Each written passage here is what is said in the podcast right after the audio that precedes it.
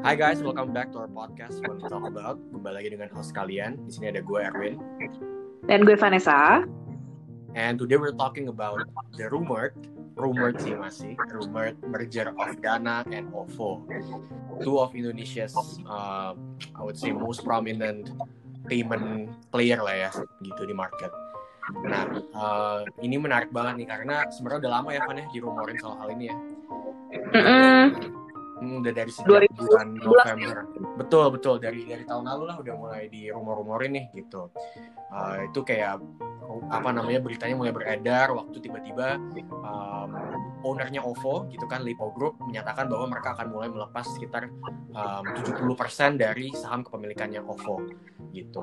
Nah, uh, tapi mungkin sebelum kita ke sana nih, ini kan kita ngomongin soal persaingan nih, persaingan juga antara kubunya tadi OVO Dana dan juga nantinya kalau mereka merger gitu ya dengan GoPay gitu. Nah, orang sering bilang mereka ini e-wallet, e-money, e-wallet itu apa sih bedanya e-money sama e-wallet gitu kan? Mungkin uh, just just for for the basic understanding gitu. Jadi kalau um, e-money itu jadi sebenarnya uh, OVO dan GoPay itu bilangnya e-money gitu karena uh, itu e-money itu adalah bentukan uh, aplikasi di mana kita transfer uang terus uangnya masuk di dalam aplikasinya gitu. Nah, sedangkan kalau misalkan e-wallet itu dana gitu. Jadi kenapa dana disebut e-wallet karena itu bisa dihubungin sama kartu kredit, sama uh, kartu debit. Jadi benar-benar kayak seolah-olah pengganti tanda kutip wallet gitu, dompetnya kita sendiri gitu. Nah, apa sih yang jadi key success factor atau KPI dari payment company seperti tadi Dana, OVO dan GoPay gitu kan? Ada beberapa nih Van. Jadi um, salah satunya yang pertama adalah user acquisition dan yang kedua itu adalah account balance dan yang ketiga transaction. So, if you're a payment company, you're a, you're an e-wallet atau e-money company, if you want to win the market, you have to have channels to these three factors: acquisition, transaction, sama balance. Gitu. Meaning um, use case, right? Meaning use case. Jadi bagaimana caranya supaya aplikasi mereka ini bisa dipakai sama user gitu. Apakah untuk pakai ride hailing, ataukah untuk beli di e-commerce gitu kan, atau untuk beli tiket nonton bioskop or whatever. Nah itu adalah salah satu key, apa, key success factor dari fintech companies yang fokusnya ke e-wallet dan e-money gitu. Nah tiga players ini kan cukup prominent ya, fun di market gitu. Jadi um, if you look at the at the background sedikit gitu ya, just to give uh, sama tadi basic understanding. GoPay obviously kita tahu GoPay itu adalah anak perusahaan dari Gojek gitu ya PT-nya udah beda. Nama PT-nya PT Dompet Anak Bangsa itu bukan PT bukan PT aplikasi karya anak bangsa which is Gojek gitu. Nah mereka udah udah spin off sendiri. Um, biggest use case obviously adalah untuk ride hailing app dan juga untuk um, GoFood gitu ya untuk untuk online food uh, paymentnya juga. Nah uh, GoPay sendiri ini karena karena dimiliki oleh Gojek mereka tuh uh, backed by several investor yang nanti akan dibahas banyak juga sama Vanessa gitu. Nah, sedangkan kalau misalkan Dana dan OVO uh, juga punya background yang beda-beda. OVO tadi as I mentioned di mereka ini didirikan oleh grupnya Lipo. Itu mereka pertama-tama launching gebrakannya adalah dengan bayar parkir satu rupiah dulu di uh, mall-mall yang ada di uh, propertinya Lipo gitu. Jadi mereka lumayan punya strong presence di retail juga lah gitu. Nah, uh, sedangkan kalau misalkan Dana sendiri Dana ini merupakan kolaborasi antara MTech, yaitu company media yang punya SCTV dan segala macamnya, uh, dan juga dengan uh, N Financial. N Financial itu adalah uh, anak perusahaan dari Alibaba yang punya Alipay. Jadi kasarnya ini kombinasi antara Alipay dan juga MTech, mereka gabung uh, untuk ngebikin Dana gitu. Jadi Dana ini dan OVO bisa dibilang punya dua background supporter yang agak mirip-mirip juga nih nantinya gitu. Nah, kurang lebih seperti itu sih Van background tentang uh, landscape, landscape fintech yang ada di Indonesia.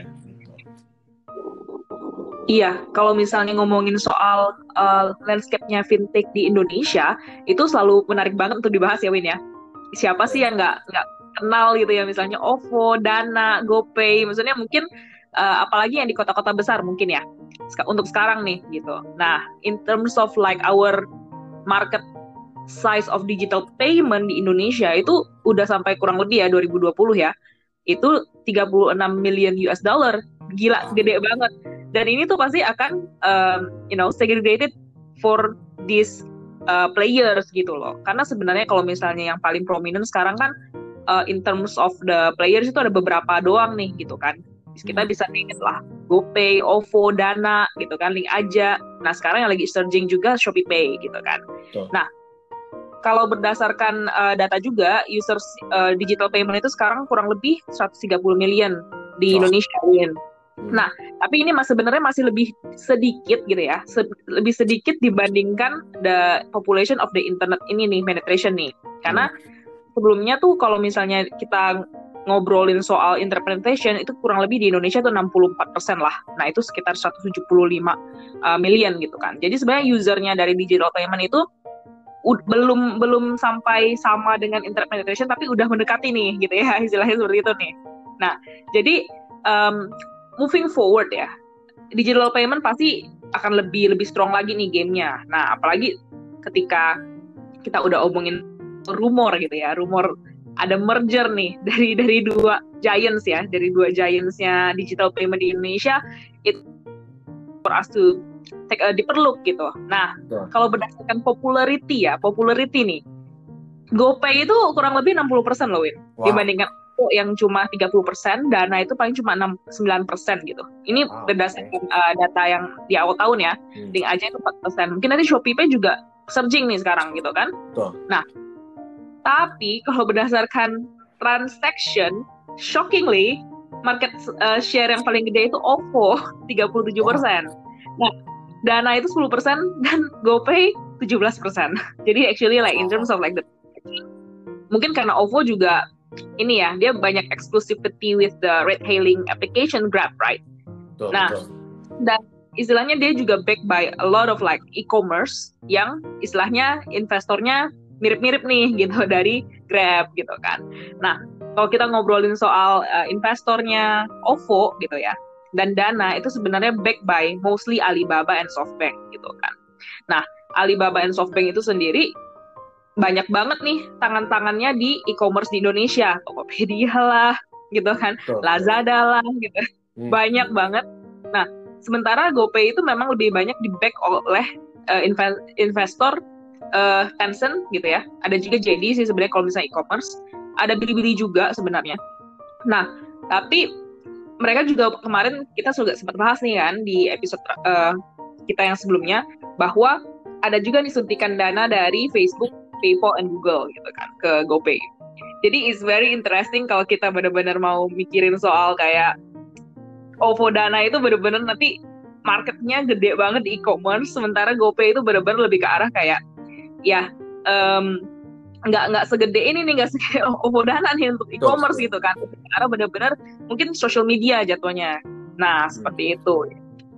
Jadi gimana nih Min? Implikasi OVO Dana merger umur-umur ini nih? Wah gue tadi sebelumnya gue agak agak kaget nih Van dengar dari lo. Ternyata meskipun popularitinya lebih gede tapi conversionnya untuk dari segi transaksi tetap lebih besar malah OVO sama Dana ya. Berarti ya. betul. Ya. nah itu itu itu menarik banget sih. Um, I think one of the biggest edge gitu ya yang mereka punya compare to their competitor gitu tadi GoPay. Itu uh, as you mentioned kan uh, Van gitu they have a very strong hold over e-commerce landscape gitu ya. Uh, karena OVO sendiri well ini masih rumor ya rumornya doang tahun lalu katanya Tokopedia masuk sebagai investor di OVO rumornya seperti itu gitu. Dan actually also why um, di Tokopedia itu satu-satunya online payment method yang yang ada di sana cuma OVO. Jadi itu eksklusif hanya untuk OVO gitu ya. Um, ini juga salah satunya karena waktu tahun lalu, no sorry, sekitar kayak dua tahunan lalu itu Tokopedia sempat apply untuk dapetin license uh, e-money itu dari OJK, tapi ternyata uh, nggak uh, berhasil waktu itu. Gitu. Makanya mereka buka tender dan kebetulan OVO yang masuk dan menang seperti itu. Nah, sedangkan e-commerce lain gitu ya kita ngomongin Bukalapak itu Dana punya strong presence banget di Bukalapak. Kenapa? Karena um, as we know Bukalapak itu investornya tuh um, on two of their biggest investors lah ya. Itu ada Mtek dan juga ada uh, Alibaba. Nah exact the exact two company yang tadi collab untuk bersama-sama bikin dana makanya dari segi dari segi um, payment yang juga ditonjolin adalah dana dalam Bukalapak gitu. Lalu juga kita ngomongin uh, e-commerce ada juga Lazada yang very uh, yang sekarang juga udah dimiliki sama Alibaba gitu. Jadi um, ibaratnya OVO dapat eksklusif di one of the biggest e-commerce di Indonesia Tokopedia. Kalau di one of the market leader gitu kalau misalnya untuk yang main transaction gitu kan. Uh, sisi lain Bukalapak sama Lazada itu very strong sama Alibaba yang nge-back Dana gitu. Jadi dari sisi e-commerce mereka kuat banget. Mungkin selain itu ada juga um, ride hailing tadi sempat dimention sama Vanessa ya. Jadi as we know, uh, OVO kan juga sama eksklusif di Grab gitu. Jadi OVO nih lumayan lumayan um, strong karena mereka punya dapat bisa dapetin channel untuk user acquisition dan juga usage kayak yang tadi kita bahas di, di depan gitu soal soal KPI-nya ya gitu. Jadi uh, dengan ada exclusivity di Tokopedia, di Grab ini mereka bisa dapetin a big chunk of user dan juga a big chunk of transaction dari sana akhirnya gitu. Nah sisi lain, um, OVO ini karena back by Lipo Group mereka juga punya strong offline presence gitu ya. Nah, Lipo Group kan kita tahu punya banyak properti, jadi dari segi parking itu mereka sistem parkingnya bisa bayar pakai OVO. Terus dari segi retail juga akhirnya um, apa namanya merchant-merchant yang ada di uh, propertinya Lipo pasti biasanya ada promonya OVO gitu. Nah sisi lain juga kalau Dana tuh uh, as we know karena MTech itu tadi kan mereka juga very strong di ticketing and media gitu. Karena contohnya misalkan Tix ID gitu. Jadi secara implication sih kalau misalkan OVO sama Dana ini digabungin uh, honestly this is gonna be a very powerful combination gitu. Dari segi offline dan online presence tuh kuat banget nih menurut gue gitu. The question is how can GoPay fight back? Right? How can GoPay fight back Fan? ini menarik ya. Pertanyaan menarik nih kemarin juga sempat baca berita bahwa istilahnya this uh, rumored OVO Dana merger di di endorse sama ini nih ex menteri komunikasi kita Pak Rudiantara. Mantap. Sementara apa ada another menteri ini sekarang yang di dari dari ex-nya Go Gojek gitu di education. Betul, nah ini menarik ya, ini menarik, ini menarik. Dan uh, setuju sih sama Erwin. Istilahnya kalau misalnya OVO Dana itu udah menguasai almost all of the e-commerce landscape gitu kan. Ada Tokped, BL, ada Lazada gitu kan. Terus kayak kemudian juga retail dari Lipo Group, conglomerate groups ya ini ya. Nah, hailing lagi ada ya ticketing, ada media gitu kan.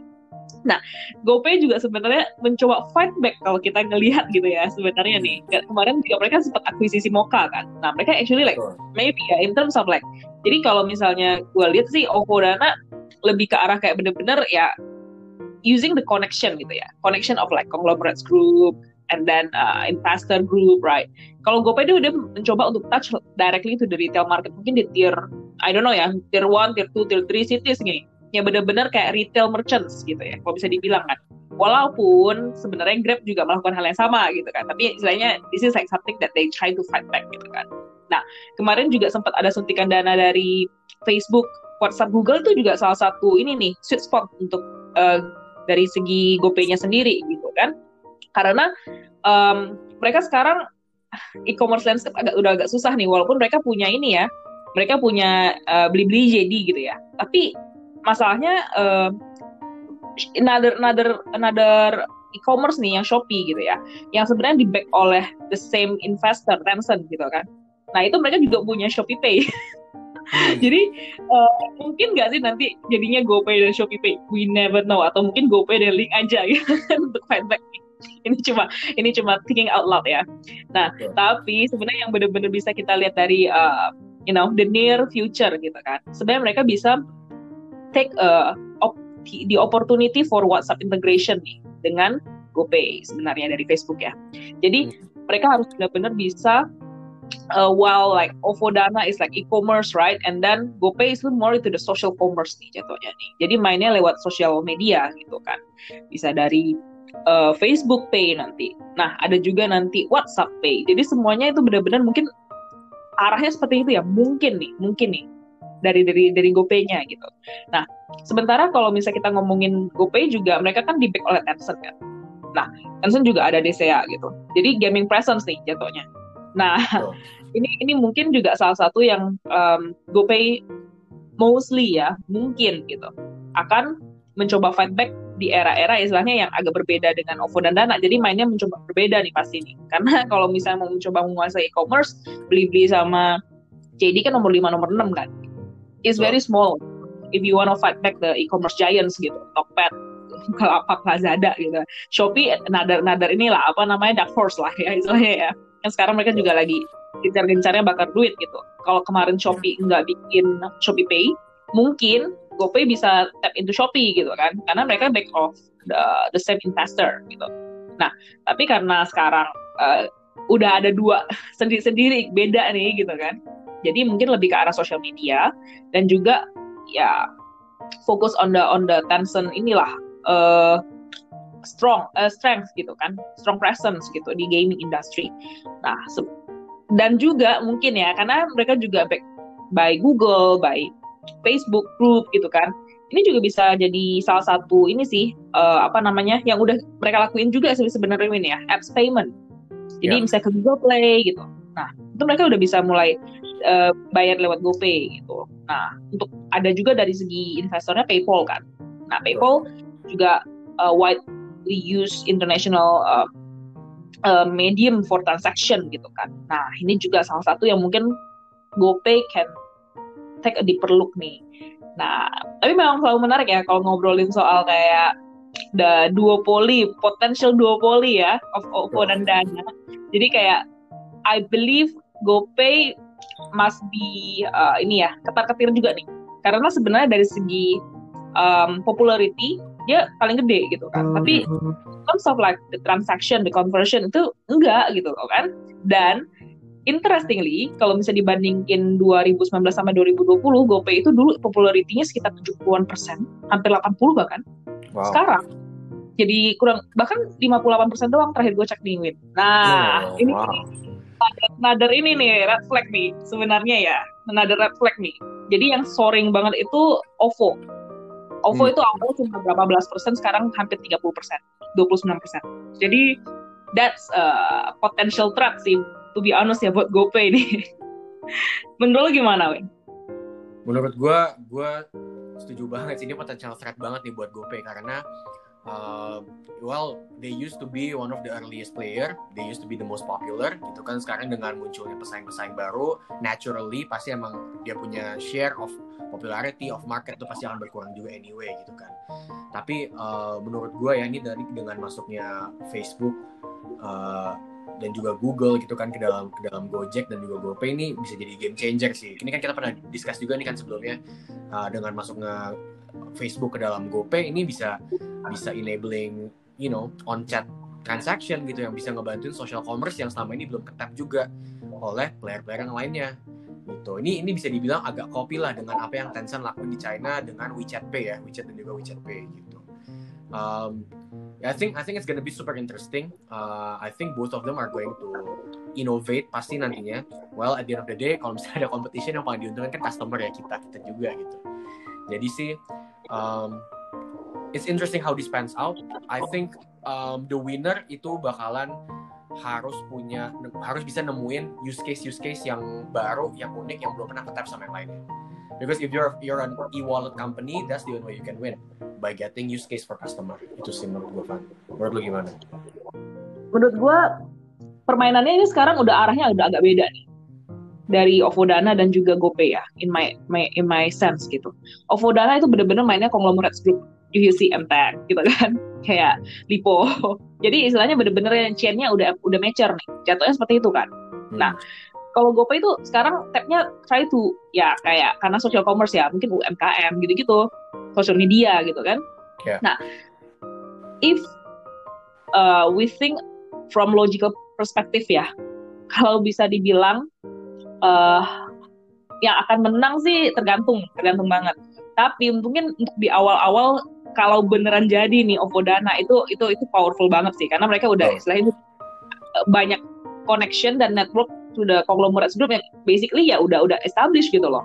Ya kan? Hmm. sementara kalau GoPay perlu perlu building gitu. Sebenarnya ya that's that that my sense gitu. Jadi di dari segi posisi awal gitu ya sebenarnya Dana akan diuntungkan. Kalau benar-benar merchant ini jadi nih sukses gitu hmm. nah GoPay GoPay ini ini harus mikir gitu kan gimana cara benar-benar untuk um, accelerate ya accelerate the integration dan juga penetration towards like social commerce and also the ini yang retail bisnisnya dari UMKM itu sendiri. Karena it will take time. Kalau mereka terlalu lama bisa langsung dimakan gitu. Betul, kayak gitu ya. Yeah, yeah. Jadi mm-hmm. Very interesting uh, to see this uh, combination moving forward. Dan kalau beneran jadi ini ini ini bakal jadi threat very a big a big threat for GoPay sih. That's from my side, Win. Okay, so maybe just to conclude gitu ya, Van. Um, tadi as you mentioned, it's probably kind of like Alibaba lawan Tencent lagi di marketnya Southeast Asia, terutama di Indonesia, right? Alibaba di sisinya OVO Dana gitu kan, sedangkan Tencent dari sisinya GoPay juga. OVO Dana tadi lebih fokus banyak ke conglomerates, ke bigger presence kayak e-commerce dan juga retail, karena di, dibantuin dari oleh oleh their, their investors gitu kan, sedangkan GoPay masuk ke arah I would say like new market, right? Social commerce, gaming, application payment and so on gitu. Jadi this is a very this is gonna be a very interesting uh, battle, gonna be a very interesting competition juga, and hopefully we can see a lot of innovation dari sini. Alright, so that's it for today's podcast. Kembali lagi dengan host kalian ada gue Erwin dan gue Vanessa. See you in our next podcast. Bye. Bye guys.